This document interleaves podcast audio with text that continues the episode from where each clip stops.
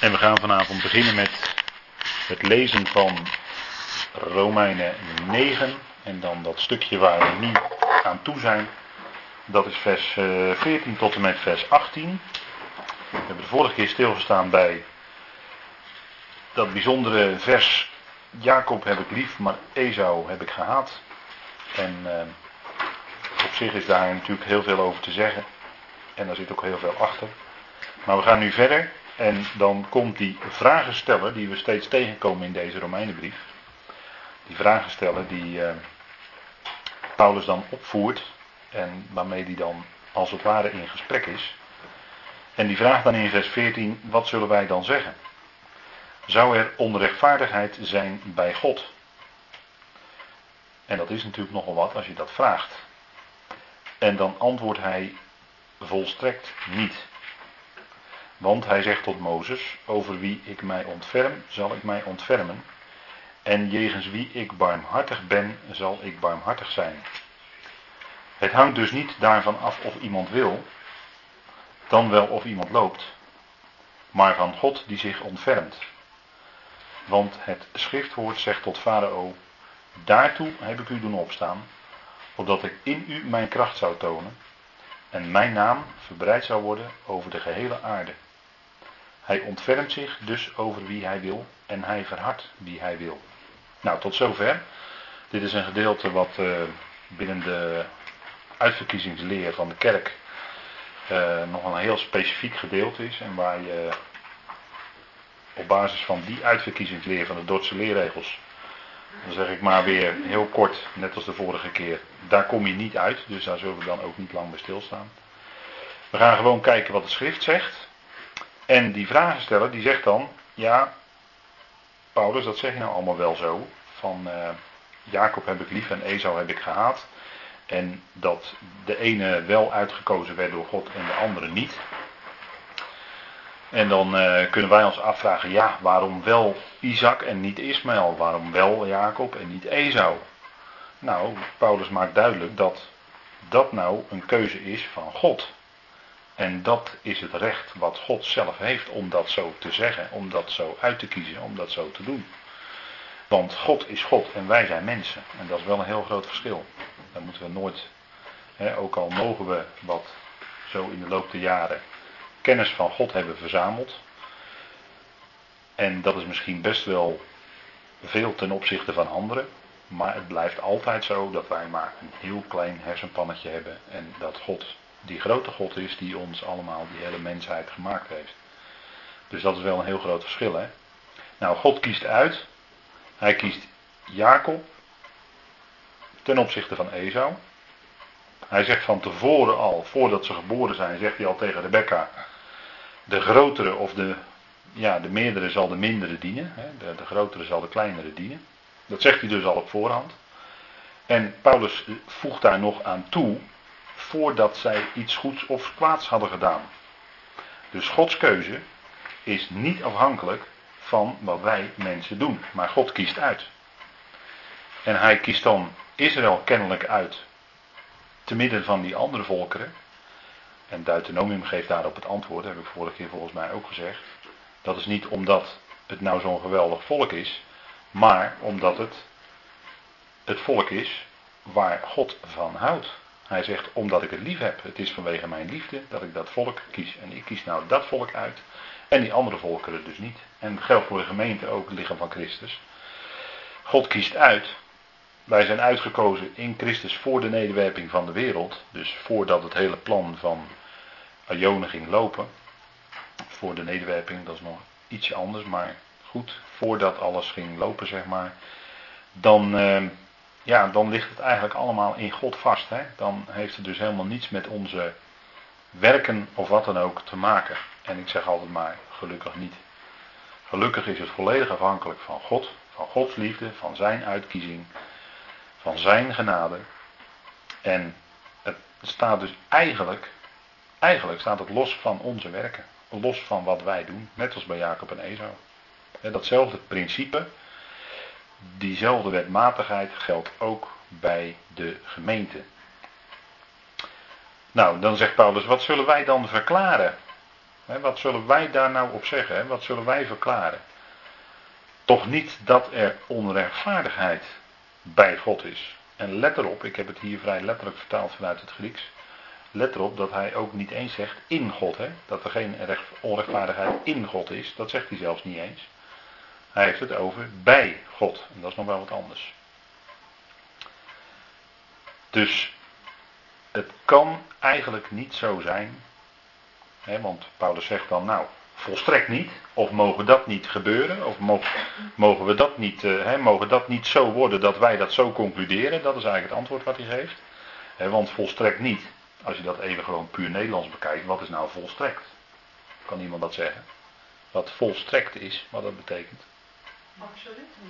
Totaal. Ja, ja, volstrekt, absoluut, ja. Maar volstrekt? Een beetje een merkwaardig woord eigenlijk, hè? Een beetje vreemd. Alle woorden zijn raar. Ja, beetje, ja als je er heel diep over nadenkt wel. Ja. Maar, het is, maar dat, ja, zo'n zo'n sterke ontkenning staat er ook niet. Er staat een, uh, een, een, een uh, niet een absolute ontkenning in het Grieks. Er staat mogen, en het werkwoord wat er staat is mogen, mogen worden. Hè? Dus een wenselijkheidsvorm en dan ook nog een keer worden. Dus het is helemaal niet zo. Maar Paulus zegt wel, mogen dat niet zo worden, dat wij dat denken. Maar hij werpt hier dus weer die vragensteller op, zeg maar die, laat maar zeggen, die Jood die eigenlijk zijn redenering niet goed kan volgen. En uh, die roept hij als het ware steeds op met die vragen. En nou, hè, want even puur menselijk bekeken, God die kiest Jacob uit en Esau niet. Dan zou je puur menselijk kunnen zeggen, nou dat is onrechtvaardig van God om dat zo te doen. Want ja, Esau was misschien uh, iemand met, misschien nog een beter karakter dan Jacob. Maar ja, dat, ligt, dat, dat hangt dus helemaal niet daarvan af. Hè? Dat heeft daar helemaal eigenlijk niet mee te maken. God kiest gewoon uit. Klaar. En dat is iets waar wij dan als, als mensen, als schepselen, moeten leren omgaan dat God het zo doet. He, mensen kunnen vandaag de dag ook een heleboel vragen stellen bij al die ellende in de wereld. En ik heb daar ook geen antwoord op. Waarom wij het hier nou zo verschrikkelijk. Nou ja, een relatief antwoord zou ik erop kunnen geven, maar dat duurt heel lang. En dat is ook niet boeiend, want zo staat het ook helemaal niet in de schrift. Maar veel mensen vragen zich dat natuurlijk af. Hè? Waarom is er nou zoveel ellende in de wereld? Waarom worden mensen in Noord-Korea zo vreselijk behandeld? Terwijl wij het hier, hier eigenlijk verschrikkelijk goed hebben. Eigenlijk te luxe. Hè? Wij hebben allemaal luxe problemen van. Ja, mijn vliegtuigje gaat een paar dagjes later naar mijn vakantiebestemming, want er ligt hangt een aswolkje boven. Dat zijn onze problemen. Dat vind jij ja, zo mooi. Dat is eigenlijk, uh, ja, dat is ook wel mooi. Ja, aswolk, Ja. dat zit dan even... Ja, dat zei, dat zei heel bijzonder. Pieter, Ja, dat zei, Pieter eh, zei dat zondag. Pieter zei dat, Pieter ja. zei dat zondag, ja. Dan zie je eventjes zo van iets uit de natuur, hè, wat, Ja. wat eh, God dan natuurlijk eigenlijk ook ten liefste bewerkt, dat het zo nu gaat. En dan zie je even zo'n aswolk en eh, gelijk kunnen al die toestellen niet opstijgen. En wij zitten dan met een probleem, ja, een luxe probleem. Dus ik vind dat eigenlijk niet eens een echt probleem, moet ik eerlijk zeggen. Ja, Want ja, zijn wel het is alleen maar dat wij twee dagen later op onze Maar vakantiebestemming dat zijn. schrijnen er wel nog mensen die voor een behandeling naar buiten. Ja, oké, als een behandeling, dat is weer wat anders. Maar toch een heleboel mensen die naar de zon of eh, Ja. hè, van de zon terugkomen, nou ja, goed. Terugkomen is nog minder erg. Dan heb je nog een paar dagen langer zon daar natuurlijk in Spanje of weet ik waar je zit. Dus het heeft natuurlijk nog eh, een soort gunstig. Maar andere problemen is dat er heel veel armoede in de wereld is. Dat er veel gelovigen vervolgd worden om hun geloof. Dat er, kijk maar in China, Noord-Korea, noem maar op. En wij hebben hier nog betrekkelijke vrijheid. Alhoewel het wordt steeds minder hoor. En het gaat misschien nog wel snel ook. Maar toch. En dan zou je kunnen zeggen oppervlakkig gezien van ja, dat is eigenlijk heel, heel onrechtvaardig dat God dat zo, eh, allemaal zo laat zijn in deze tijd. Maar ja, ik denk dat we toch mee moeten leren omgaan dat het zo is. Omdat deze wereld zoals die nu is, wij kunnen hem niet veranderen. God wel. En hij zal het ook doen op zijn tijd. En dat is, kijk, dat is dan het wereldprobleem waar wij dan wel eens over nadenken. Maar dat geldt natuurlijk ook voor de problemen in ons persoonlijk leven. Dat is iets waar je eh, ook niet 1, 2, 3 van kan zeggen van er doet zich een probleem voor en je accepteert het binnen een halve minuut. Zo werkt het natuurlijk ook niet. Je moet het als mens moet je door iets heen. Dat is een heel proces en dan moet je dan leren toch uiteindelijk te zien dat alles in zijn hand is.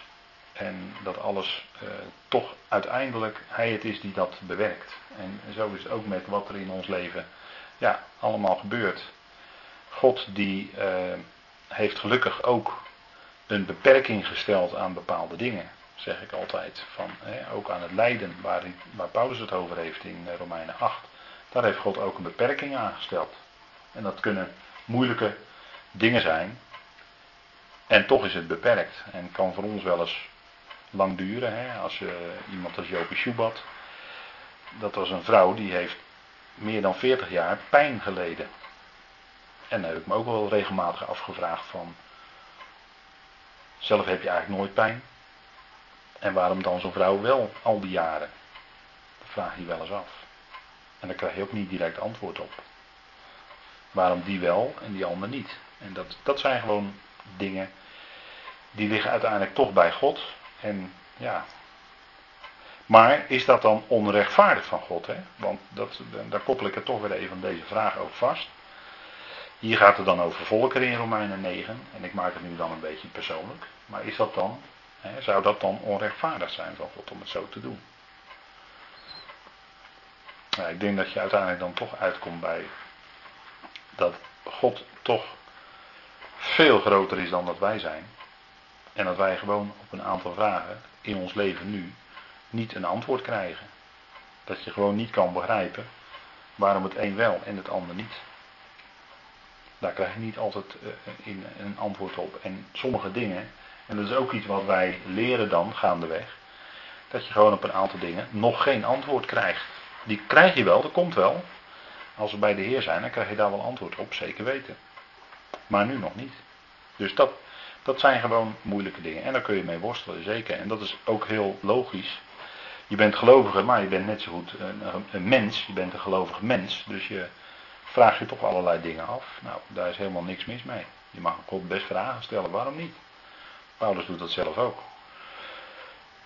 En één ding kunnen we van uitgaan. Dat wat God ook doet, hij nooit onrechtvaardig is.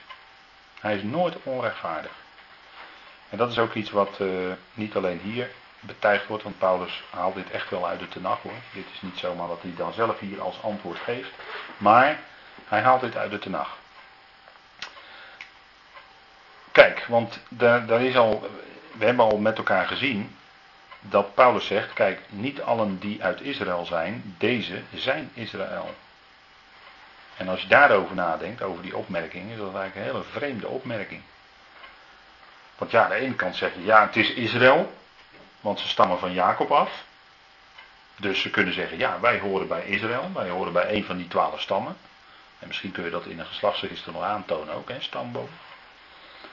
Maar toch zegt Paulus, niet allen die uit Israël zijn, deze zijn Israël. En daar gaat hij toespitsen op verkiezing.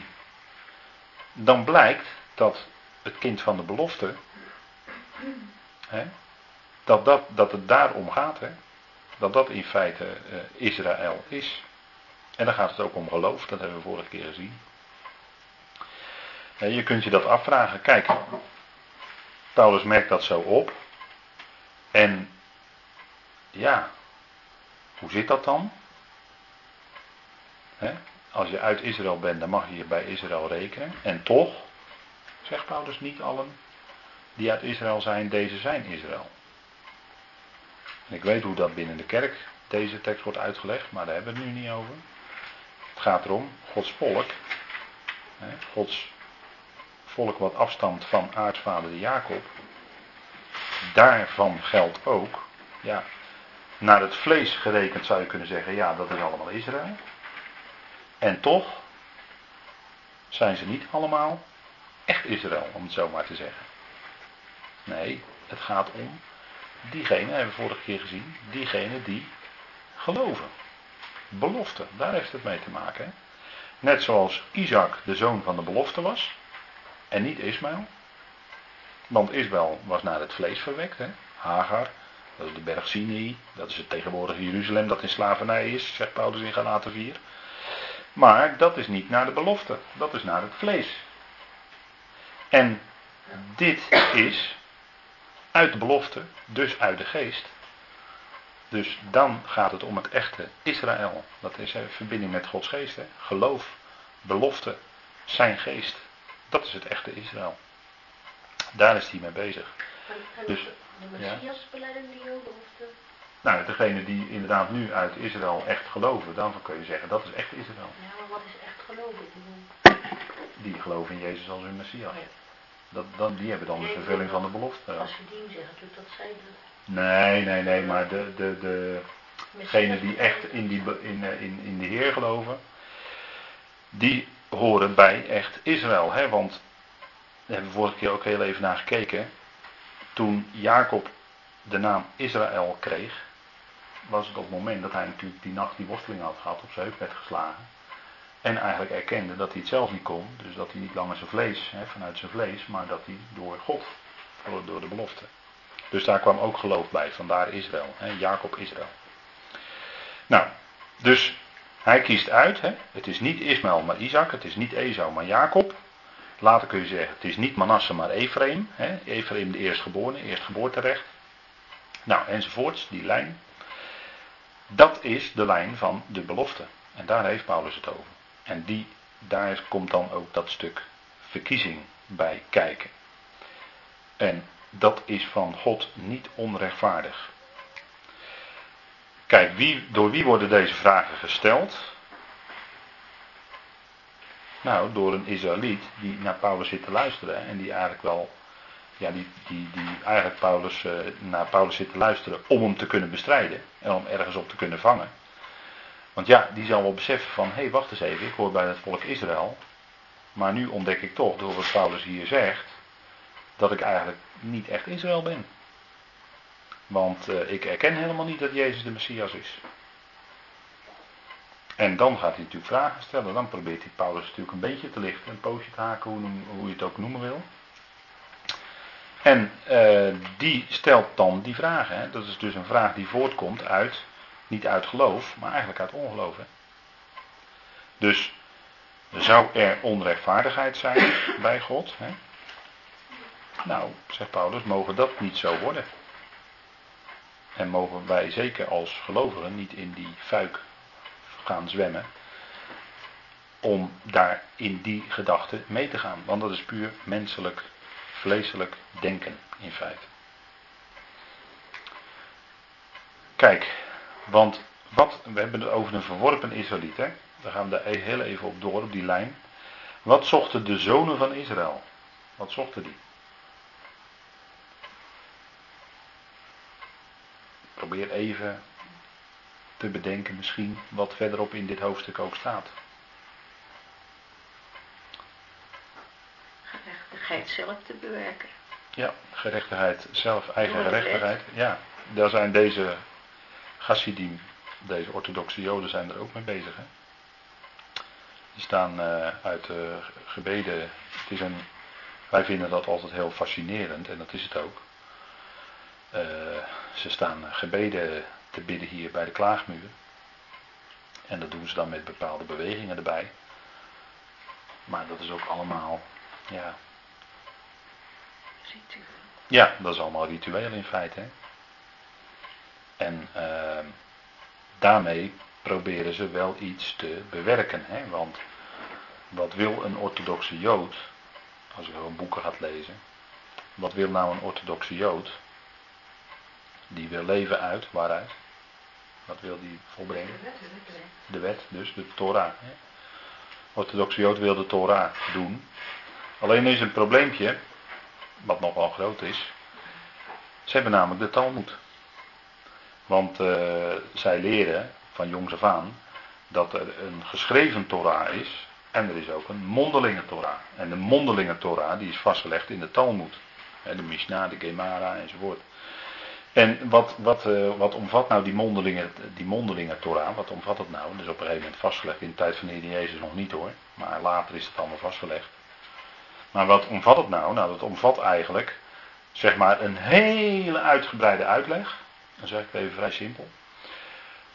Over hoe ze nou al die geboden van de Torah, hoe ze die nou in de praktijk moeten brengen. En dan gaan ze helemaal door op van wat je dan allemaal wel en niet mag doen op de Shabbat of op de zondag. Hè. Net zoals wij dat binnen de orthodoxe kerken kennen, dat je geen ijsje mocht eten, dat je niet mocht fietsen, dat je maar zoveel meter mag lopen, dat je niet met de auto naar de kerk mag enzovoort. Dat soort dingen allemaal. Nou, dat is eigenlijk een kopie van wat het Jodendom ook heeft gedaan. Want toen de Heer Jezus de blindgeborene genas, op welke dag deed hij dat? Had hij natuurlijk nooit mogen doen, hè? Shabbat. Nee, niet op Shabbat genezen. Kijk, zo denkt de orthodoxe Jood. Zo denken die fariseeën. Niemand genezen, niemand het zicht geven. Op Shabbat notabene. Tekenen kan niet. Tekenen dat kan het gewoon niet. Nee, dat mocht niet. Nee. Aardeplukken op de Sabbat met je discipelen? Nee, dat kan ook niet. Terwijl Mozes daar niks over gezegd heeft hoor. Over de aardeplukken op de Sabbat. Dat je niet door mag lopen en eh, niet mag. eh, Daar heeft Mozes helemaal niks over gezegd in de Torah. Maar in de Talmud, in de mondelinge Torah. Ja, en daar. Nee, dat mag dan niet. Hè. En dat gaat zelfs zo ver. Als je een super orthodox bent, dan wordt je ook nog voorgeschreven. Als je nou 's morgens een lange broek aantrekt, zoals een orthodoxe jood. In welke pijp je het eerst je been moet. eh, ja. Ja, ja. ja, zo ver gaat dat. Soms zelfs de doorslikken. Ja. Dus nou, ik. En dan zeg je, ja, je zit te overdrijven. Nee, dat is, eh, daar zijn echt allemaal regeltjes voor. Dat staat allemaal opgeschreven. Dat is dus de Talmud. En er staat nog veel meer in de Talmud. Maar goed, daar zullen we het maar niet over hebben. Maar daar, waar zijn ze dus mee bezig? En ik wil niks plaats zeggen over de orthodoxe Joden, daar gaat het mij helemaal niet om. Maar wel over de tradities. Daar, ben, daar, daar, ja, daar, daar heb ik gewoon alles tegen. Ze zijn natuurlijk niet echt verliefd ook in Israël. Nee, helemaal niet. Dat is echt, daar is veel animositeit onder de bevolking. Ze zien die orthodoxen helemaal niet zitten. Maar goed, daar gaan we ook niet verder op uitweiden, want ik heb helemaal niks tegen orthodoxe joden op zich, maar wel tegen de tradities. Want die maken het woord van God krachteloos. Maar Ja, zij zo is het gewoon. Talmud gewoon wel degelijk geïnspireerd is of gewoon om na te leven. Nou, zij, in de Talmud is, wordt heel gedetailleerd beschreven hoe je dan de Torah zou moeten leven. Ja. Daar gaat het om. Ja. Ze willen heel graag de Torah leven. Maar ze zijn helemaal vastgelopen in feite in die Talmud, in al die dingen erbij. En dat is waar de Heer Jezus natuurlijk ook tegen te keren in, in zijn tijd. Van, Eigenlijk eh, zoals kerk in de Dordtse leerregels bijvoorbeeld. Dordtse leerregels, of wat, je, wat ik net zei, wat je dan wel en niet op zondag mag doen. Dat kinderen niet mogen buiten spelen op zondag en eh, dat soort dingen allemaal. Ja, dat, dat slaat helemaal nergens op. Sorry dat ik het even zo zeg, maar die regels slaan nergens op. Ik heb respect voor die mensen, maar die regels die slaan helemaal nergens op. Dat is gewoon, het heeft er gewoon niks mee te maken. Maar wat zochten zij dus? Zij zoeken dus een gerechtigheid die is uit de wet. Kijk, dat staat in eh, vers eh, 30 van dit hoofdstuk. Maar daar komen we dan nog wel wat uitgebreider op terug. De heidenen, die joegen geen gerechtigheid na. Nou, niet bepaald nee, maar die hadden ook nooit de Torah gekregen. Want die was alleen op Israël gelegd. En die verkrijgen dat uit het geloof. Maar als je Paulus ook naslaat, is geloof het tegenovergestelde van werken. Werken en geloof, dat is, eh, dat is wat bij Paulus staat, dat tegenover elkaar. Dus dat kun je, geloof kun je dus nooit als een stukje eigen werk in rekening brengen. En wat deed Israël? Het joeg een wet ter gerechtigheid na. Dus die willen door de Torah te volbrengen, aan de hand van de Talmud, zeg ik er dan even tussen haakjes bij. Israël joeg een wet ter gerechtigheid na, maar kwam niet aan die wet toe. En waarom niet? Waarom kwam Israël nou niet aan die wet toe? Nou. Omdat ze niet op de gerechtigheid van God inliepen. Ja, inderdaad. En wat, wat is de gerechtigheid van God? Waar komt die uit? Eh, die komt eh, uit het volbrachte werk van eh, hun Messias. Mhm. Want die was het einde der wet. Hij, hij heeft Ja. hem volkomen eh, Ja. gehouden. Ja, precies. Dus het ging niet om hun eigen werken, maar het ging natuurlijk om zijn werk. Ja. En dat is iets wat. Hij was ook de gelovige natuurlijk, hè? weten we. Ja. Gelovige bij uitstek. Dus kijk, welk deel van Israël verkreeg wel de gerechtigheid? Hè? En die Messias gaan. Degene die geloven, ja, precies, in de Messias. Dus dat, dat volk, wat probeert die wet te volbrengen, die ontdekken best wel dat het niet lukt. Want Paulus schrijft uit eigen ervaring Romeinen 7 natuurlijk. Hè. Zoiets van, ja, ik wil dat wel doen, maar het lukt me niet. Ik wil het goede wel doen, maar het kwade doe ik eigenlijk. En het kwade wat ik niet wil, dat doe ik. Ja. Dat is een typisch iemand die onder de wet leeft. Die probeert vanuit eigen ijver het goed te doen, maar het lukt niet. Dus welk deel van Israël kreeg wel de gerechtigheid? Nou, in ieder geval niet het grootste deel wat probeerde vanuit eigen werken. Dan wel vanuit eigen vlees. het te ontvangen, hè, die gerechtigheid van God. Want dat kan dus niet. Kijk, God kiest uit. Oh, welk, welk deel, moet hier nog eerst antwoord op. eh, welk deel van Israël verkreeg wel de gerechtigheid? Nou, die gerechtigheid komt door de Messias, hè, komt door Jezus, komt door Jezus Christus onze Heer. En het komt door geloof. Hè. Het heeft met geloof ook te maken. Eh, Romeinen 9 staat dat. En dan het 32e vers. Daar, komt, daar is het antwoord op die vraag.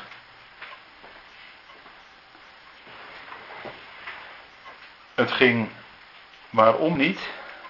Welk deel van Israël kreeg wel de gerechtigheid? Nou, waarom kreeg Israël geen deel aan de wet? Waarom kreeg ze geen deel aan de gerechtigheid van de wet? Of de gerechtigheid van God moet ik eigenlijk zeggen. Omdat het vers 32, hè, Romeinen 9 vers 32, omdat het hierbij niet uitging van geloof, maar van vermeende werken. Dus als we antwoord willen hebben op deze vraag, welk deel van Israël verkreeg wel de gerechtigheid, dan is het antwoord het gelovige deel. Het deel van Israël wat gelooft. En dat is het echte Israël. Want niet allen zijn Israël die uit Israël zijn. Niet allen zijn Israël die uit Israël zijn. Dus het gelovige deel verkreeg wel die gerechtigheid. Het is de gerechtigheid uit geloof. Romeinen 3 en 4 en 5. Maar dat hebben we met elkaar uitgebreid gezien. De gerechtigheid door geloof. En dan het geloof van Jezus Christus. Hè. Ja, Zijn geloof. Ja. En het waren er niet zoveel data zeker. als wij ook dat, dat geloof, hè, als wij ook dat geloof hebben, wat, wat ook het zijne is, dan hebben wij automatisch door geloof die gerechtigheid ontvangen. Dus het is door geloof wat, dat God het ons geeft. En voor Israël, hè, daarom spreekt de Bijbel, ook als het gaat om het echte Israël, in deze tijd, en, en zo zal het ook nog wel even blijven, over het overblijfsel. Dus een rest. Dus niet heel Israël, maar een rest. Die horen echt bij dat gelovige deel wat God nu roept. Hè? Dat is een rest. Daar hoorde Paulus zelf natuurlijk ook bij. En Petrus en Johannes, maar goed, die zaten in een andere lijn. Ja, we gaan even verder naar de volgende. Nou, God kiest uit. God kiest uit. Ik kom er toch weer terug bij die vraag. Hè? God kiest uit. Is er dan onrechtvaardigheid bij God? En dat is een vraag die dan Paulus niet zomaar, bij Paulus ook niet zomaar, eh, die, dat hij die stelt alsof die zomaar uit de lucht komt vallen. Maar dat is wel degelijk gegrond op de Tenach. Hè, u ziet hier eh, een aanhaling uit de Torah. En uit de profeten. En uit de geschriften. Dus eigenlijk die hele Tenach. Daar komt dat naar voren. Eh, laten we maar heel even kijken in Deuteronomium 32. Als we dat even met elkaar opzoeken. Deuteronomium 32.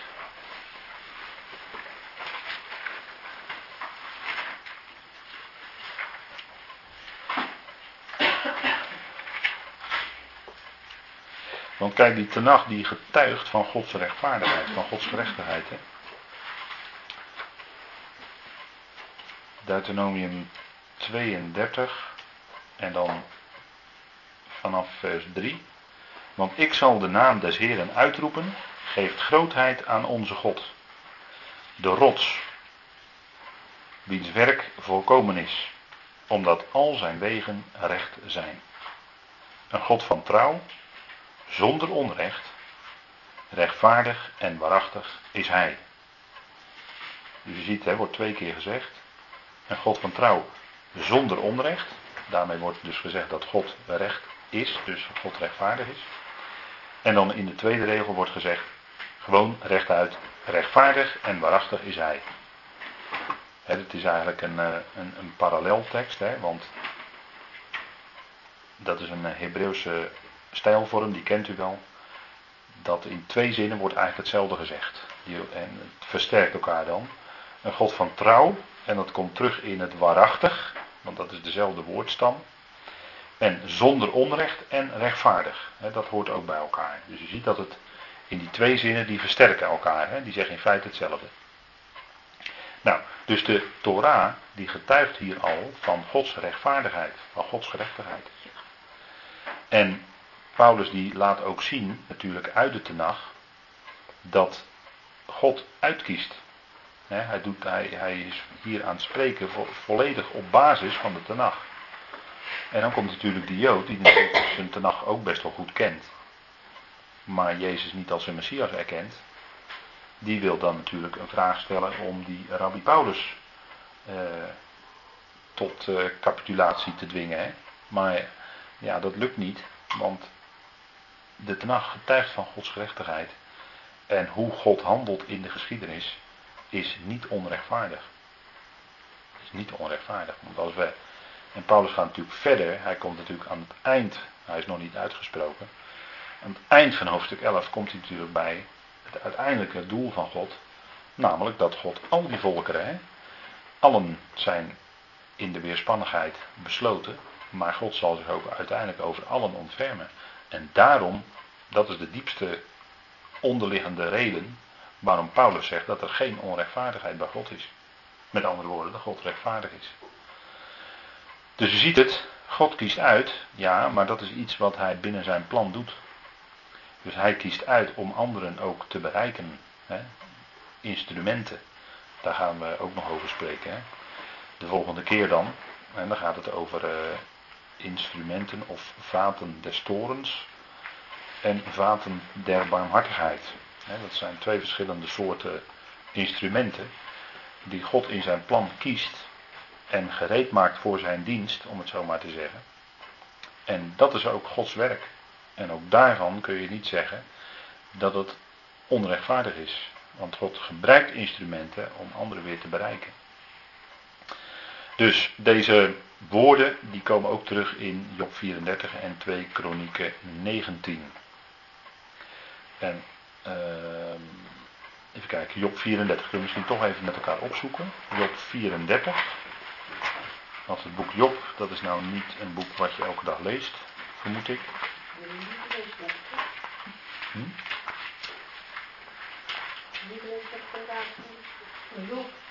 Job. Job, ja, het is van Job. Ik heb het daarvan nog gelezen, ik had wel een Job. Ja, serieus? Zegt ze, je krijgt zoveel boeken en zoveel dingen.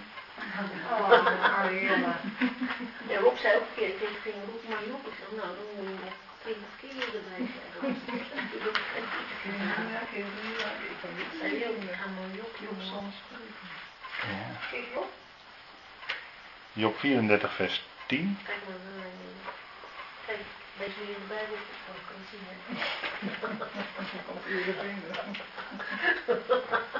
Job is een mooi, uh, mooi boek. Het is een beetje filosofisch allemaal. Het gaat over de, de functie van het lijden. En daar worden dan in Job allemaal antwoorden opgegeven. Allemaal menselijke antwoorden die je in het menselijk verkeer ook tegenkomt. De antwoorden die mensen verzinnen. Bijvoorbeeld. En dat, dat vind ik ook een hele erge. Daarom noem ik hem eigenlijk. Dat. En dan, komt, dan denk ik toch weer aan die blindgeborene. Uit Johannes 9. Want de vraag bij die blindgeborene was. Ze stelden een vraag hè, bij die blindgeborene. Wie heeft er gezondigd? Zijn ouders of hij? Met andere woorden, oh, hij zal wel blind zijn omdat zijn ouders gezondigd hebben. Met andere woorden, hij lijdt als een straf op de zonde. En dat is ook een antwoord wat je in Job tegenkomt. Hè? Zo, zo'n antwoord wordt er vaak gegeven. Nou, dat is, dat, dat, dat is natuurlijk absoluut. Er zit wel iets in, want een mens kan op een gegeven moment in zijn leven lijden ondervinden ten gevolge van zonde. Laat ik dat even wel, wel zeggen. Maar je kan nooit zeggen dat het lijden per definitie het gevolg is van zonde. Laat staan van de, de ouders die gezondigd zouden hebben. En al helemaal niet dat hij zelf gezondigd zou hebben, want dat is natuurlijk absurd, want hij was blind geboren. Ja, dat is natuurlijk gewoon absurd helemaal. Maar eh, in het boek Job wordt dus, gaan zijn vrienden dus proberen een antwoord te geven op het lijden. En dan zie je dus dat ze allemaal van die menselijke antwoorden geven. En uiteindelijk komt Job natuurlijk tot erkenning dat het lijden in zijn leven een bepaalde functie had. En dat is dan in het boek Job moet ik wel zeggen, ook tot op zekere hoogte een erkenning, want hij heeft natuurlijk nooit de boodschap zoals Paulus die heeft bekendgemaakt, heeft hij nooit kunnen leren kennen. Maar Job was wel iemand die antwoorden kreeg. Job 34, dat is het antwoord van de laatste vriend, Eli, Hu. Daarom, gij verstandige lieden, luister naar mij. God is verre van goddeloosheid, de Almachtige van onrecht. Dus hier ziet u, God is verre van onrecht. Kun je even heel kort zeggen. Hè? Met andere woorden, ook hier wordt het gezegd in het boek Job. Bij God kun je niet het woord onrechtvaardig uh, neerzetten. Er is geen onrechtvaardigheid bij God. Dus in deze woorden van Paulus weer klinkt, weer klinkt eigenlijk wat hier in Job ook staat. En daarmee zie je dus dat hoe Paulus hier bezig is als rabbi, zeg maar, dat hij dat dus doet volledig op basis van de Tenach, hè, van wat daar al geschreven stond. En wij denken wel eens van ja, Paulus en die kwam met een hele nieuwe boodschap en dat is tot op zekere hoogte ook wel waar. Maar heel veel, met name in deze Romeinenbrief, is gewoon, heeft gewoon zijn wortels in de Tenach hoor. Daar kun je echt niet los van de Tenach lezen zelfs. Dus vandaar dat we toch daar naar teruggaan. Vers 11 stond daar, toch? Ja. ja. Dat zei Elihu. Ja. Ja, dat bedoel ik, dat Nou, vele vergeldt hij de mens naar zijn daden en doet ieder ondervinden naar zijn wandel. Dat is ook zo. Dat is ook zo. Dat is een bepaalde wetmatigheid. ik zei net al, iemand kan lijden in zijn leven vanwege zonden. Ik noem maar wat. Als jij, uh, neem als voorbeeld een alcoholist. Die drinkt uh, over langere tijd te veel. En op een gegeven moment gaan ze ingewanden eraan. Ja, ik zeg nu even heel kort door de bocht. Om het even duidelijk te maken. Ja. Dus dat is, dat is een, daar, daarvan kun je zien van hé, hey, je gaat als, als mens eh, ga je een bepaalde grens over. Je gaat te veel. Er is op niks, helemaal niks mis met een wijntje drinken. Maar een mens kan ook te veel gaan drinken en dan gaat hij over een bepaalde grens. En dat houdt dan een wetmatigheid in dat je dus je lichaam gaat kapotmaken. Nou, dat is ook iets wat hier staat. Hè. Hij doet ieder ondervinden naar zijn wandel. En uiteindelijk als we kijken, maar dat is Romeinen 2, daar hebben we het al over gehad. Als we kijken naar het gericht wat God gaat doen voor de grote witte troon. Wat komen dan bij die grote witte troon aan de orde? De werken. De werken. Ja. Daar zal God en ieder richten naar zijn werken. En genade. Dus wel degelijk, wel degelijk komen daar dus de werken van de mens aan de orde voor de grote witte troon. En dat geldt voor ons ook als wij bij de Berma zijn. Dan zal een ieder terug ontvangen van de Heer wat hij of zij gedaan heeft. Het zij goed, het zij slecht, zegt Paulus. Wat hij door het lichaam, dus door jouw eigen lichaam, verricht heeft. Nou, dus dat is ook een vorm van een beoordeling, laat ik het zo maar zeggen, naar de werken die een mens gedaan heeft. Maar niet van een God. Ik denk dat we hier erbij toch moeten denken van een God van liefde. Ja. Want uiteindelijk heeft hij het zelf bewerkt Ja. dat we Ja, keuzes ja, maakten Ja, ja. om tot erkentenis van zijn liefde Klopt. te komen. Klopt. Want als je het vanuit je oude godsbeeld eh, redeneert, redeneer je Nee. fout. Precies. Maar dat, dat is ook zo. Maar wij staan daar met die Bema met een verheerlijk lichaam. Ja, En daarom zullen wij ook die beoordeling van de Heer kunnen doorstaan. Omdat wij al een verheerlijk lichaam hebben. En wij staan daar volledig in volle genade. Het is ook niet zo dat onze zonden of zonden daar bekeken worden. Nee, onze werken. We hebben het niet over de zonden. Dat kan niet, want die zijn gerechtvaardigd. Dus op, bij die Bema kunnen onze zonden nooit aan de orde komen. Dat is onmogelijk, want we zijn gerechtvaardigd. Het gaat alleen maar om onze werkende dingen die wij hebben kunnen doen. En de dingen die wij hebben kunnen doen, daarvan weten we zelfs ook dat God het is die in ons werkt, zowel het willen als het werken, naar zijn welbehagen. het is allemaal uit hem. Dus het is, uiteindelijk is het allemaal uit hem, zeer zeker. En dat is nou het, voor ons misschien het gekke of het vreemde, dat God dat toch een beoordelingsmoment geeft. Want staat er, ik kan het toch niet omheen, 2 Korinthe 5, staat er gewoon. Maar het is wel moeilijk, want Het is toch hij het van willen hem. en werken. Ja. Je weet dus ook het willen en werken Ja. van die alcoholist. Die dan weet dat die mensen willen. Ja, Ja, maar of je, nou ja, ik denk, kijk, ik denk niet dat je zo kan zeggen van, God bewerkt in die persoon dat die te veel gaat drinken. Ik denk niet dat je dat zo kan zeggen. En dat staat ook nergens in de Bijbel op die manier. Het staat alleen voor ons als gelovigen. God bewerkt in ons het willen en het werken. ja maar is toch ook geloven. Anders Ja, er zijn zonden, er zijn, er zijn allemaal, nou goed, Ja, ja, uit. ieder mens is een, ieder, ieder mens is een doelmisser. Ja. Je sterft en je wordt dus als doelmisser eigenlijk daarmee al geboren. Maar we zijn geen robots. We zijn geen robots. Dus we hebben wel, eh, als mens, ontvangen we een zekere vorm van licht. Dus door onze opvoeding en noem alles maar op. En eh, dan, dan eh, is voor ons van, nou, hoe ga je daarmee om? En dan ontdek je op een gegeven moment, hebben wij ontdekt dat we, dat we inderdaad eh, zondaren zijn, dat we doelmissers zijn. En ja, in hoeverre, kijk, uiteindelijk eh, is het in Gods hand, dat, dat zeg ik wel, hoe ver iemand in iets gaat en de een gaat dan minder ver dan de ander en noem alles maar op. Dan, dan weet ik ook wel dat dat inderdaad Gods bewarende hand is in dat leven. Ehm, alleen ik denk toch niet dat je kan zeggen, als iemand een weg van zonde gaat, nou, ik heb dat nu even over alcohol, dat God het dan in die mens bewerkt. Die mens is een zondaar. En die mens die zondigt. En dat is iets wat, eh, hè, dat, is, dat geldt voor die hele mensheid.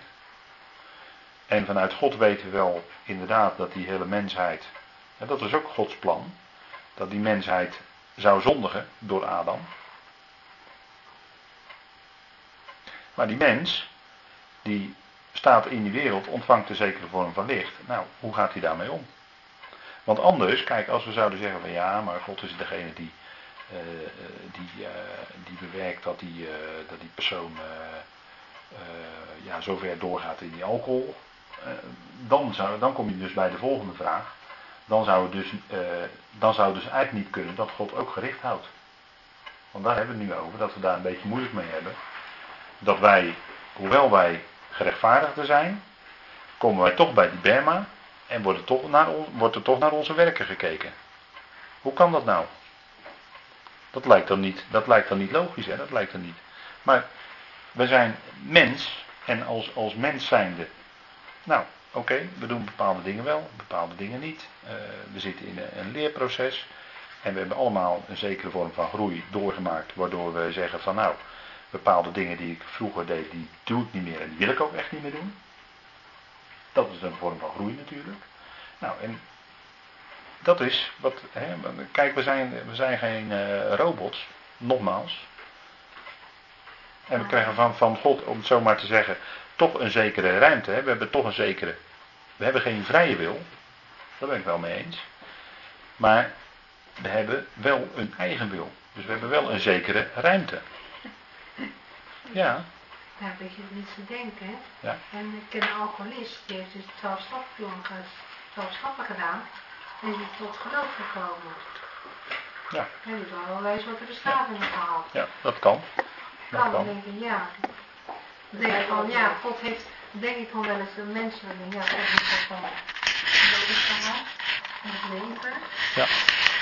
Ja, mag, kan je eigenlijk zo niet denken dan eigenlijk. Nee, maar het punt waar we nu eh, hier eigenlijk eh, tegenaan lopen, en da- daar, daar, eh, daar, daar kom je natuurlijk steeds op uit, van je leert de dingen zien vanuit God. En we hebben als mens een bepaalde eigen ervaring. Dus dat is mens en God, hè. En als mens kunnen wij tot een bepaalde hoogte denken, ook over God, met dat wat we mogen weten. Maar, ehm, kijk, God is vele malen groter dan dan dat wij zijn. En dan lopen wij misschien in ons denken vast op het punt van, ja, uiteindelijk is God het die alles bewerkt. Hij bewerkt alles in overeenstemming met de raad van zijn wil. Efeze 1 vanzelf. En aan de andere kant komt er toch een moment dat hij naar die werken van, ook van ons, zelfs als gelovigen gaat kijken. Dat is toch natuurlijk voor ons een, lijkt tegenstrijdig te zijn. Maar Ja. is, en ik hou toch vol dat dat niet tegenstrijdig is. God heeft ik het volste recht om ons op dat moment te beoordelen naar onze, naar onze werken. Hij heeft het volste recht. maar ik denk altijd, eh, ik geef het dan over, Heer, doe u het alstublieft. Van, je bent van hem Ja. en eh, dan moet ik er niet verder over nadenken, want dan ga je draaien. Ja, precies. En dan denk ik, u, waar mijn gedachten niet bij kunnen, Ja. daar bewaart zijn woordje. Ja. Dat die gedachten gaan altijd te ver. De veelheid van gedachten bewaart bij uw woord. En als hij gaat richten uit liefde, nou heer, u zal het wel weten. Zo is het ook. En dat zeg ik ook En van. dan moet je niet gaan Nee, denken, geloof ik. Nee, want dan ga je dus met je eigen denken, en daar moet je ook voor oppassen. Anders ga je dus met je eigen denken redeneren Ja, en, dat en dan loop je vast. Ja, En ik zeg, dat zijn de dingen, ik zie die dingen ook staan in de schrift. En die moet je dus gewoon naast elkaar laten staan. God doet beide. Hij bewerkt alles in overeenstemming met de raad van zijn wil. En toch houdt hij gericht over de werken. Ja. Dat zijn twee dingen die gewoon naast elkaar staan. Die moet je naast elkaar laten staan. God Dat is Gods zaak om het zo- vader is, Ja, die je zeker. helemaal kan vertrouwen.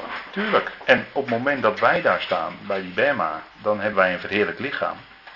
En dan zullen wij zijn richten ook kunnen verdragen, omdat wij juist zo'n verheerlijk lichaam hebben. Ja, Anders En- zouden wij dat niet kunnen dragen, dat gericht. nee, en nu kan je het overgeven, omdat eh, dat je zegt, nou die vader kan ik helemaal vertrouwen. Ja. Hij is Ja. God, Ja, precies. maar ook een vader Ja, precies. Daarom. die zijn liefde nooit zwak wordt. Nee, nee, Dus wat hij doet, is goed. ja. Ja, ja, precies. Nou, dat is, ja, en er zijn altijd eh, vragen waar je dus met je menselijke denken, nogmaals, kom je daar niet uit. En dat is niet omdat eh, dat de schrift niet, eh, niet duidelijk is, die is luid en duidelijk. Nee, er zijn, en zo zijn er wel meer dingen hoor, die, die lijken tegenstrijdig te zijn, maar die zijn het ten diepste niet.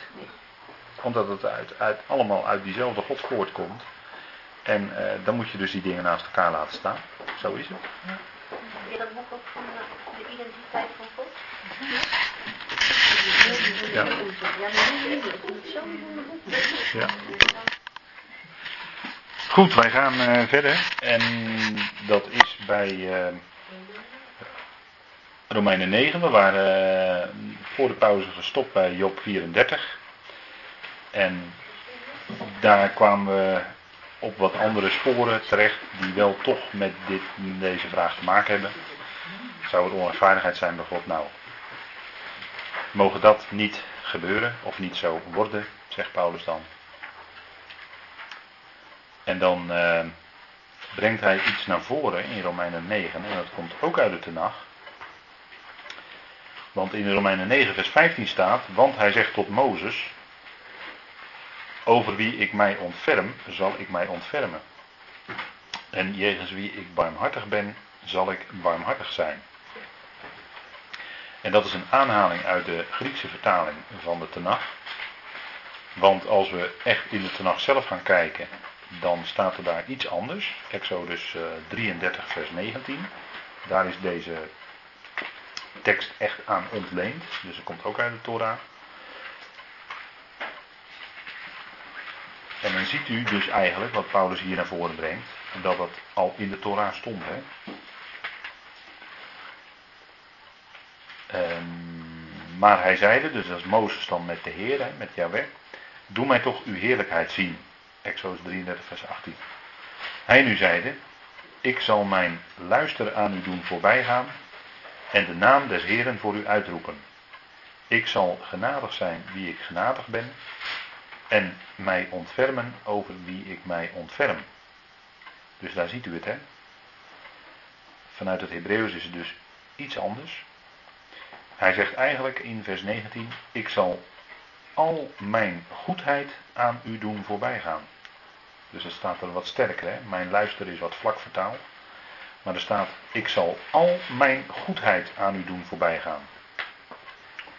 En dan staat er in het vervolg, en mijn naam, Yahweh, voor u uitroepen. Ik zal genadig zijn wie ik genadig ben. En dat staat er wel echt zo. Is het Hebreeuwse woord gen wat daar staat. Dat is genade. En mij ontfermen over wie ik mij ontferm. En dat woord is ontleend aan rechem. Hè? Dat is de barmhartigheid. Dat is, uh, zou je kunnen zeggen, de moederlijke kant van God. Hè? Want rechem, dat woord heeft ook te maken met baarmoeder. En uh, daar, uh, dat is eigenlijk dan een heel mooi beeld, hè, als je dat erbij weet.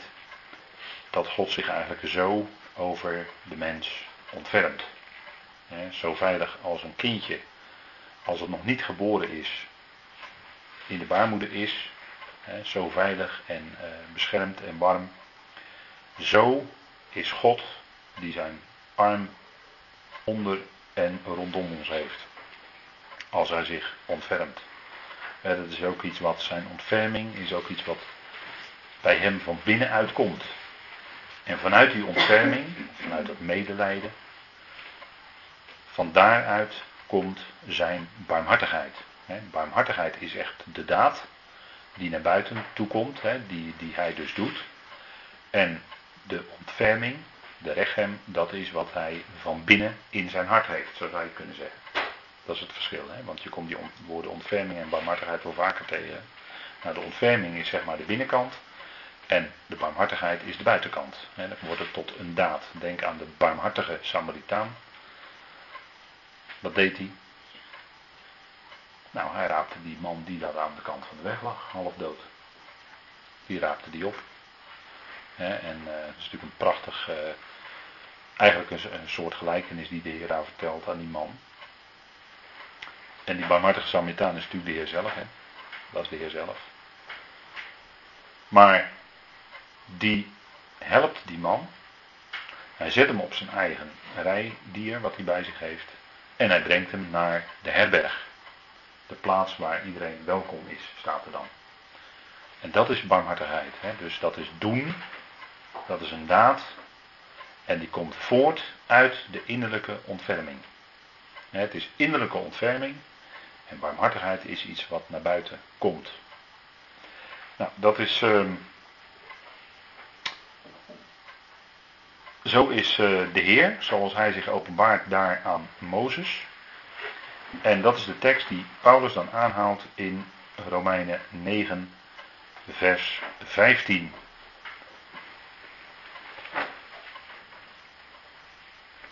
Dit is een foto die u ziet van ik weet niet 100% zeker, maar ik dacht dat dit de echte berg Sinaï is. wat bedoel ik dan? De berg Sinaï in Arabië, hè? dat is de echte berg Sinaï.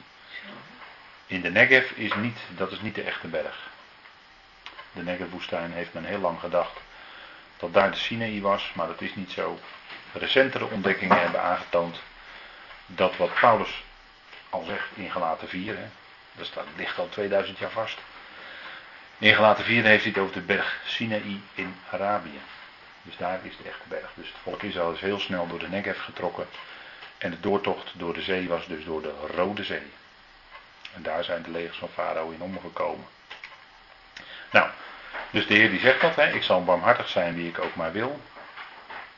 En ik zal medelijden hebben met wie ik ook maar medelijden zal hebben. Dus dat is. Uh, Gods voorrecht. God is volledig vrij om dat te doen. hij zegt ook wie ik ook maar wil. Als ik dat wil, als ik diegene of die mens of dat volk wil redden, barmhartig wil zijn, dan is dat gewoon mijn zaak. Dat is eigenlijk wat God zegt daarmee. En uh, waarom hij dan aan diegene, die ene wel barmhartigheid betoont en medelijden en de ander niet in zijn plan. Dat is ook zijn zaak, daarvoor is hij God. Dat heeft te maken met Gods soevereiniteit. Dat is wat in dit gedeelte natuurlijk heel sterk naar voren komt. Hè? Nou, ik heb het even voor u opgezocht in de dikke vandalen. Soevereiniteit, dat wil zeggen oppermachtige heerschappij of oppermachtig staatsgezag. Of omstandigheid dat een gezag, een, staatmacht, een staatsmacht is die van geen enkel ander gezag afhankelijk is. Dus het is gewoon het hoogste gezag. Dat is soevereiniteit. Nou, God is soeverein in zijn handelen. Hij is de Allerhoogste. Hij is het hoogste gezag. Dus hij is aan niemand verantwoording verschuldigd. En we zullen nog wel verder zien aan de vragen die nog wel in dit hoofdstuk komen. Dat de mens toch voorzichtig om de hoek kijkend God als het ware ter verantwoording wil roepen. Nou, dat kan gewoon niet, want het is Gods, God is soeverein. Hè? Dus dat kunnen wij als mens niet doen. Wij zijn mens en hij is God. En let erop dat er in die tekst staat, ja, je kunt dat eigenlijk niet goed zo vertalen. Dan wordt het een beetje, hè, ik heb het wel, wel in die vertaling willen aangeven. Wie ik ook maar. We moeten even letten op die woorden ook maar. Daarmee wil Paulus zeggen, en dat is een heel klein woord in het Grieks, wat je dan eigenlijk moet, met ook maar moet vertalen. Maar hij zegt daarmee eigenlijk dat het niet alleen Israël geldt, maar ook daarbuiten. God is vrij machtig om ook buiten Israël aan mensen genade te schenken, barmhartig te zijn. En, en dat geldt natuurlijk ook in deze tijd waarin wij leven, waarin God de gemeente roept. Daarin is hij aan individuele mensen barmhartig en betoont hij genade. En het volk Israël als volk staat terzijde. Dat is Gods werk. Dat is zijn soevereiniteit om dat zo te doen. En hij kan dus buiten Israël wel degelijk in zijn plan ook mensen roepen. Dat is zijn vrijmachtige handelen. Hè? Hij is volkomen vrij om dat te doen. En dan dat zestiende vers. En daar onderstreept Paulus dat nog eens een keer. dus het hangt er niet van af. Kijk, God zegt: Ik zal medelijden betonen aan wie ik dat wil. Ik zal barmhartig zijn aan wie ik dat wil. En dan concludeert Paulus: Dus het hangt er niet van af of iemand wil. Want God kiest uit. Hè? Dus dat is onafhankelijk van of wij als mens dan wel of niet zouden willen. Het is niet zo dat God eerst kijkt van, nou, is die mens wel of niet willig? Nee, hij kiest. Of, het hangt er dus ook niet vanaf of iemand rent. In onze vertaling staat loopt, maar er staat in het Grieks eigenlijk rennen. Of iemand rent. Dan kan iemand heel erg zijn best doen.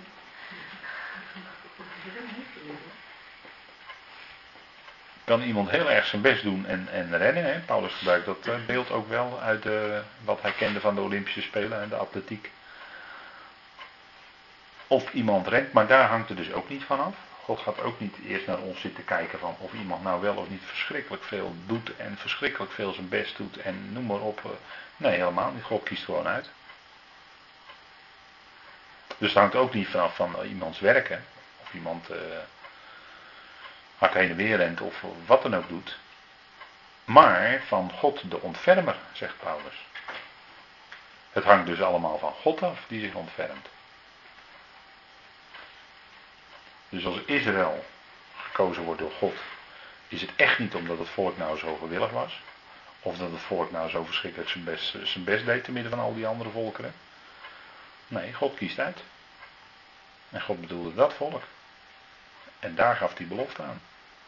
Dus het hangt van God af die zich ontfermt. En dat is zijn soevereiniteit. En dat is het grote verschil tussen God en ons als mensen. Wij zijn volkomen afhankelijk van God, van zijn gezag, van zijn heerschappij, van zijn ontferming. En het is voor ons dan niet zo dat wij verschrikkelijk ons best moeten doen en noem alles maar op. Nee, het is helemaal Gods zaak, het is Gods wil, het is zijn ontferming, het is zijn genade, het is allemaal zijn werk. Nou, dat is ook wat hij zegt. Hè. En Jezaja, die spreekt daarover. Dus dat zijn wel fijne woorden, denk ik, om even op te zoeken met elkaar. Jezaja 43.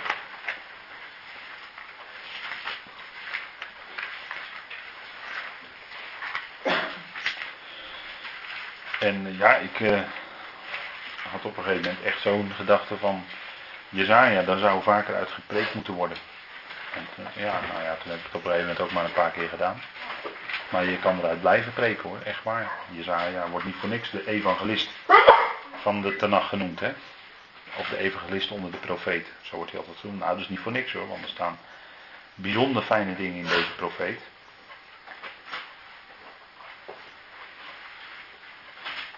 En dan eh, zegt hij tegen zijn eigen volk, en dan lees ik met u even vanaf vers 22 en het gaat om vers 25. Doch mij hebt gij niet aangeroepen, o Jacob, of u om mij moeite gegeven, o Israël. Gij hebt mij de schapen van uw brandoffers niet gebracht. En met uw slachtoffers hebt gij mij niet geëerd. Ik heb u niet lastig gevallen om spijsoffers. En ik heb u geen moeite aangedaan om wierook. Gij hebt mij voor zilver geen kalmoes gekocht, en met het vet uw slachtoffers hebt gij mij niet gelaafd.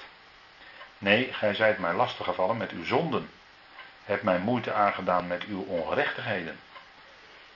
Ik, ik ben het die uw overtredingen uitdelgt, om mijnentwil.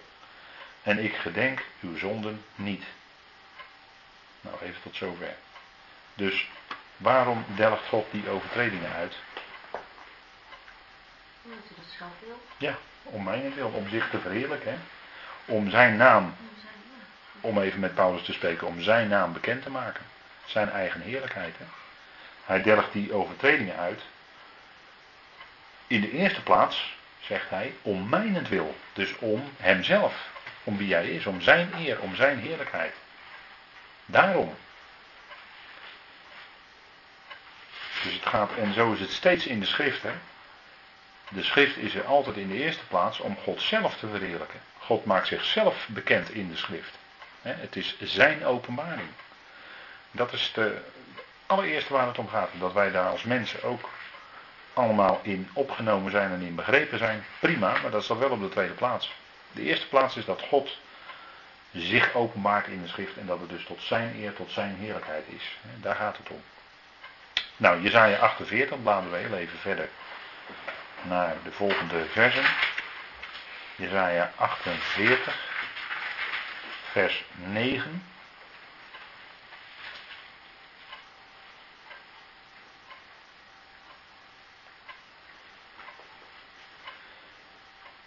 Kijken hoor. Ehm, lees even erbij vanaf vers 8. Gij hebt, zegt hij tegen Israël weer, hè? Gij hebt nog gehoord, nog geweten, nog heeft zich vanouds uw oor geopend. Want ik wist dat gij zeer trouweloos zijt en een overtreder heet van de moederskoot aan. Op mijns naams wil vertraag ik mijn toren. Ter wille van mijn lof bedwing ik mij, u ten goede, om u niet uit te roeien. Zie, ik heb u gelouterd, doch niet als zilver. Ik heb u beproefd in de smeltoven der ellende. Om mijnentwil, om mijnentwil doe ik het. Hoe groot ook de ontwijding is, mijn eer geef ik aan geen ander. Je ziet ook hier, hè. Hij vertraagt zijn toren. Hij bedwingt zich. En het is om zijn eigen lof. Opdat hij, opdat hij geloofd zal worden. En dat is opdat hè, het gaat om hemzelf. Hij heeft gelouterd. Hij heeft beproefd. En uiteindelijk is dat allemaal wat in vers 11 staat. Om mijnentwil. Hè? Dat herhaalt hij. Om mijnentwil doe ik het. En dan staat er eigenlijk. Want hoe is mijn naam geweld aangedaan? Er staat dan in de NBG hoe groot ook de ontwijding is. Maar eigenlijk staat er. Want hoe is mijn naam geweld aangedaan? Mijn eer geef ik aan geen ander. Dus het gaat in de allereerste plaats, wat God doet, ook met zijn volk, om zijn naam. Opdat zijn naam bekend gemaakt zou worden. En opdat hij verheerlijkt zou worden. Tot zijn eer, tot zijn. Hè. Het gaat om zijn naam, de eer van zijn naam. Dat is altijd de, de, het belangrijkste waar het bij God om draait. Dat mensen ook dat uiteindelijk gaan erkennen. Nou kijk, die farao, dat is degene die door Paulus dan naar voren gehaald wordt uit de geschiedenis. De farao, dat hele gebeuren daar in Egypte. En als u die plagen bestudeert, dan zult u ook zien dat het veel te maken heeft met vruchtbaarheid. En ook die dromen van de farao, die zeven magere en die zeven vette koeien, nou, dat had allemaal te maken met vruchtbaarheid natuurlijk. Hè. Koe is natuurlijk ook een symbool van vruchtbaarheid. Eh, zeven aren, hè, die eh, zeven magere en zeven vette, nou, heeft ook allemaal met vruchtbaarheid te maken. Dat is ook wat de naam Farao eigenlijk vanuit Hebreeuws betekent. Hè. Dat is eigenlijk de, de letter eh, P, eigenlijk moet je dat, is dat eigenlijk PH en dan de R. Dat is afgeleid van een Hebreeuwse stam. En die, dat heeft te maken met vruchtbaarheid. Zoals je dat ook hebt in Ephraim. Daar zit ook die F en die R klank in, hè, de PH en de R. Dat betekent dubbele vrucht, hè, Ephraim. En zo heeft de, de, de, de titel Farao heeft vanuit Hebreeuws ook te maken met vruchtbaarheid, vrucht. Dus dat die Farao dan te kijk gezet wordt, is eigenlijk dat een grote les ook aan de hele wereld en aan, vooral aan die Egyptenaren. Dat niet de farao de vrucht geeft, maar dat God het doet. Dat is eigenlijk het, uh, wat er ook mede achter die hele geschiedenis van dat Israël daar was en, en hoe ze die plagen en hoe ze uitgeleid werden, heeft allemaal daarmee te maken met vruchtbaarheid. Dat is één, één grote achtergrond van uh, die zaak. Nou, die farao, wie liet farao opkomen? En waarom? Ja, God. En waarom dan? Was Farao nou zo'n slecht mens? Nee, want God waarde zijn hart. Ja, God verhardde zijn hart, ja precies. Farao was helemaal niet zoveel slechter dan dat wij zijn. Wij zijn helemaal niet zoveel beter dan dat die Farao is. Ook gewoon een mens. Maar Paulus noemt een heel bekend voorbeeld natuurlijk uit de geschiedenis van het volk. En uh, dat is vers 17 van Romeinen 9. Want het schriftwoord zegt tot Farao.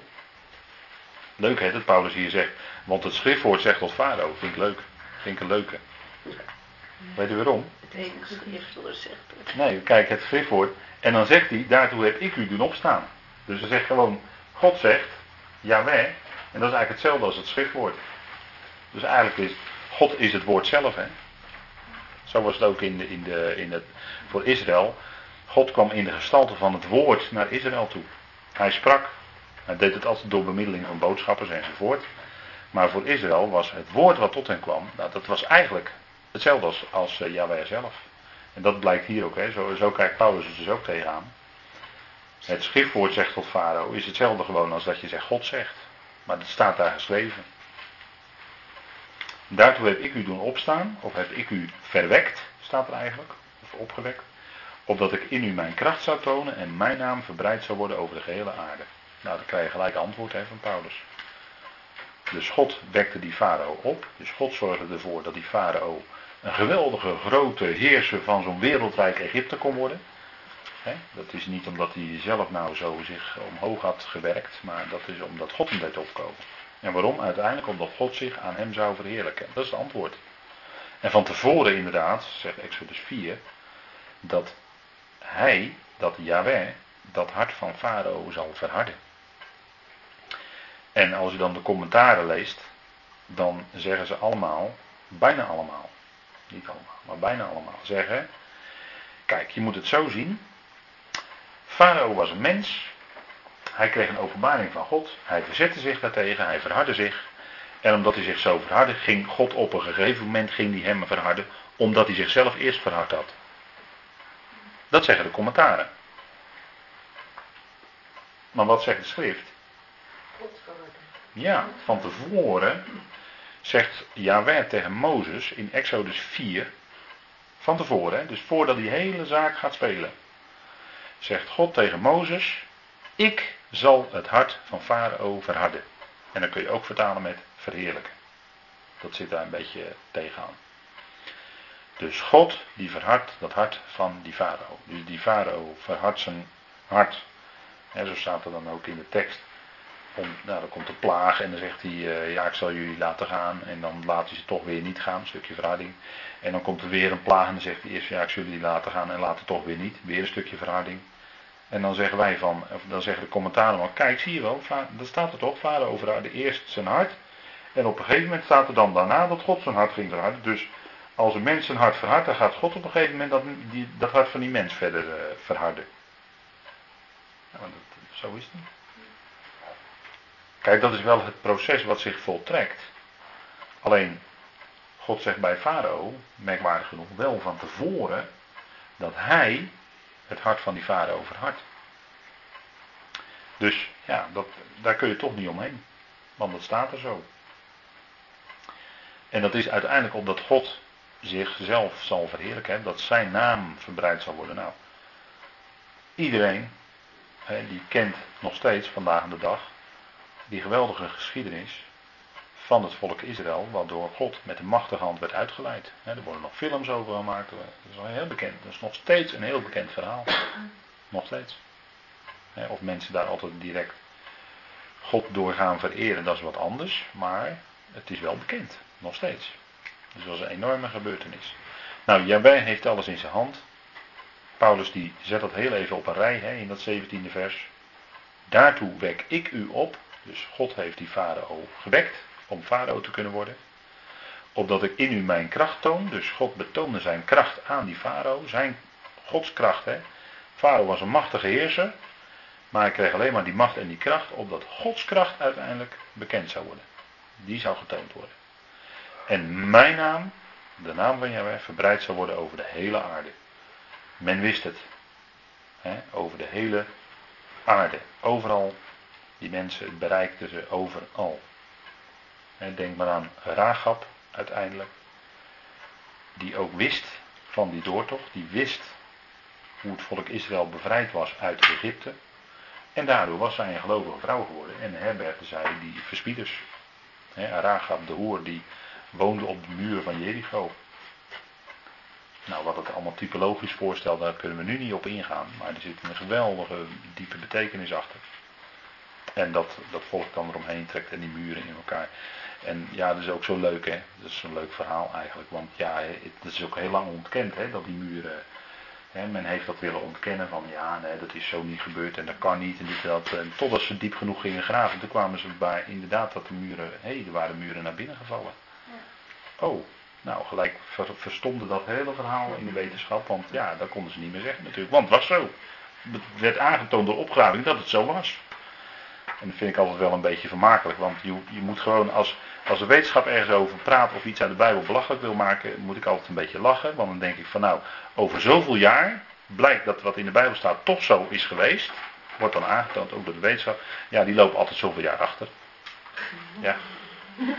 Maar je bent veel sneller als je gewoon de Bijbel gelooft. Dan ben je, dan ben je veel moderner en veel sneller. Gelijk bij. Ja, dan loop je als het ware gewoon voor op de rest. En uh, nu, nu was er die dissertatie van die, uh, van die adjunct uh, van het Nederlands Dagblad. En die beweerde dan ook dat, dat door wetenschappelijke opgravingen dat het zeer onwaarschijnlijk is, zo zegt hij dan. Hè, iemand die cum laude is geslaagd, hè, cum laude geslaagd, dokter in theologie nu. Die zegt dan van ja, door de wetenschap is eigenlijk gebleken dat waarschijnlijk toen Israël in het land Canaan kwam, er geen mensen woonden in Jericho en Ai. En dan zeg je, ja, dan zitten we met het probleem. Dan zeg ik van ja, welk probleem hebben we dan? Waar is het probleem? Ja, dat jij een probleem hebt met jouw intellect, dat is een heel andere vraag. Maar dan moet je niet tot het probleem maken van de hele gemeente. Dat is jouw probleem. Voor ons is het toch geen probleem. Ik bedoel, die, die buren die stortten in en die bevolking werd uh, in de band gedaan enzovoort. Daar woonden dus allemaal mensen. Dat staat er toch gewoon. Wat is het probleem? Het probleem is er helemaal niet. Nee. Hij heeft een probleem. Ja, dat is een heel andere zaak. Ja, moet ik altijd een beetje, dan denk ik altijd van. Uh, ik word er natuurlijk door geprikkeld, dat merkt u wel. Maar. Ja, maar. Ik denk dan van. Ik kan dat niet zo goed hebben. Dan denk ik van. Mensen die dan. Nou ja, goed. Cum laude. Er staat al zo lang, maar goed, hij kreeg uit eigen kring ook wel weerwoord en zo. Dus Ja, ze willen kwam uiteindelijk op wel zo'n weer. manier God gewoon kleiner maken eigenlijk. Daar lijkt het wel op, Net ja. of het niet mogelijk is. Nee, en net, Maar net of dat dan dan wat... is het natuurlijk alles mogelijk. Dus waarom zou je nou niet die muren, eh, als je Nou ja, er goed, omheen loopt, ja. Nou, laten dat, dat, dat is wel, wel, wel, wel inderdaad aangetoond. Maar En dan die is mensen het... wonen en nu ik niet ben Ik moet eigenlijk zeggen, als ik dat dan zo lees in de krant, ben ik eigenlijk stom verbaasd. Ik denk van, hoe krijg je het voor elkaar om daar een probleem van te maken? Ik, ik snap dat gewoon niet. Maar goed, het zal aan mij liggen. Maar goed, God kiest, dat daar wil ik dan mee afsluiten, onafhankelijk van wat mensen doen. En dat is maar goed ook.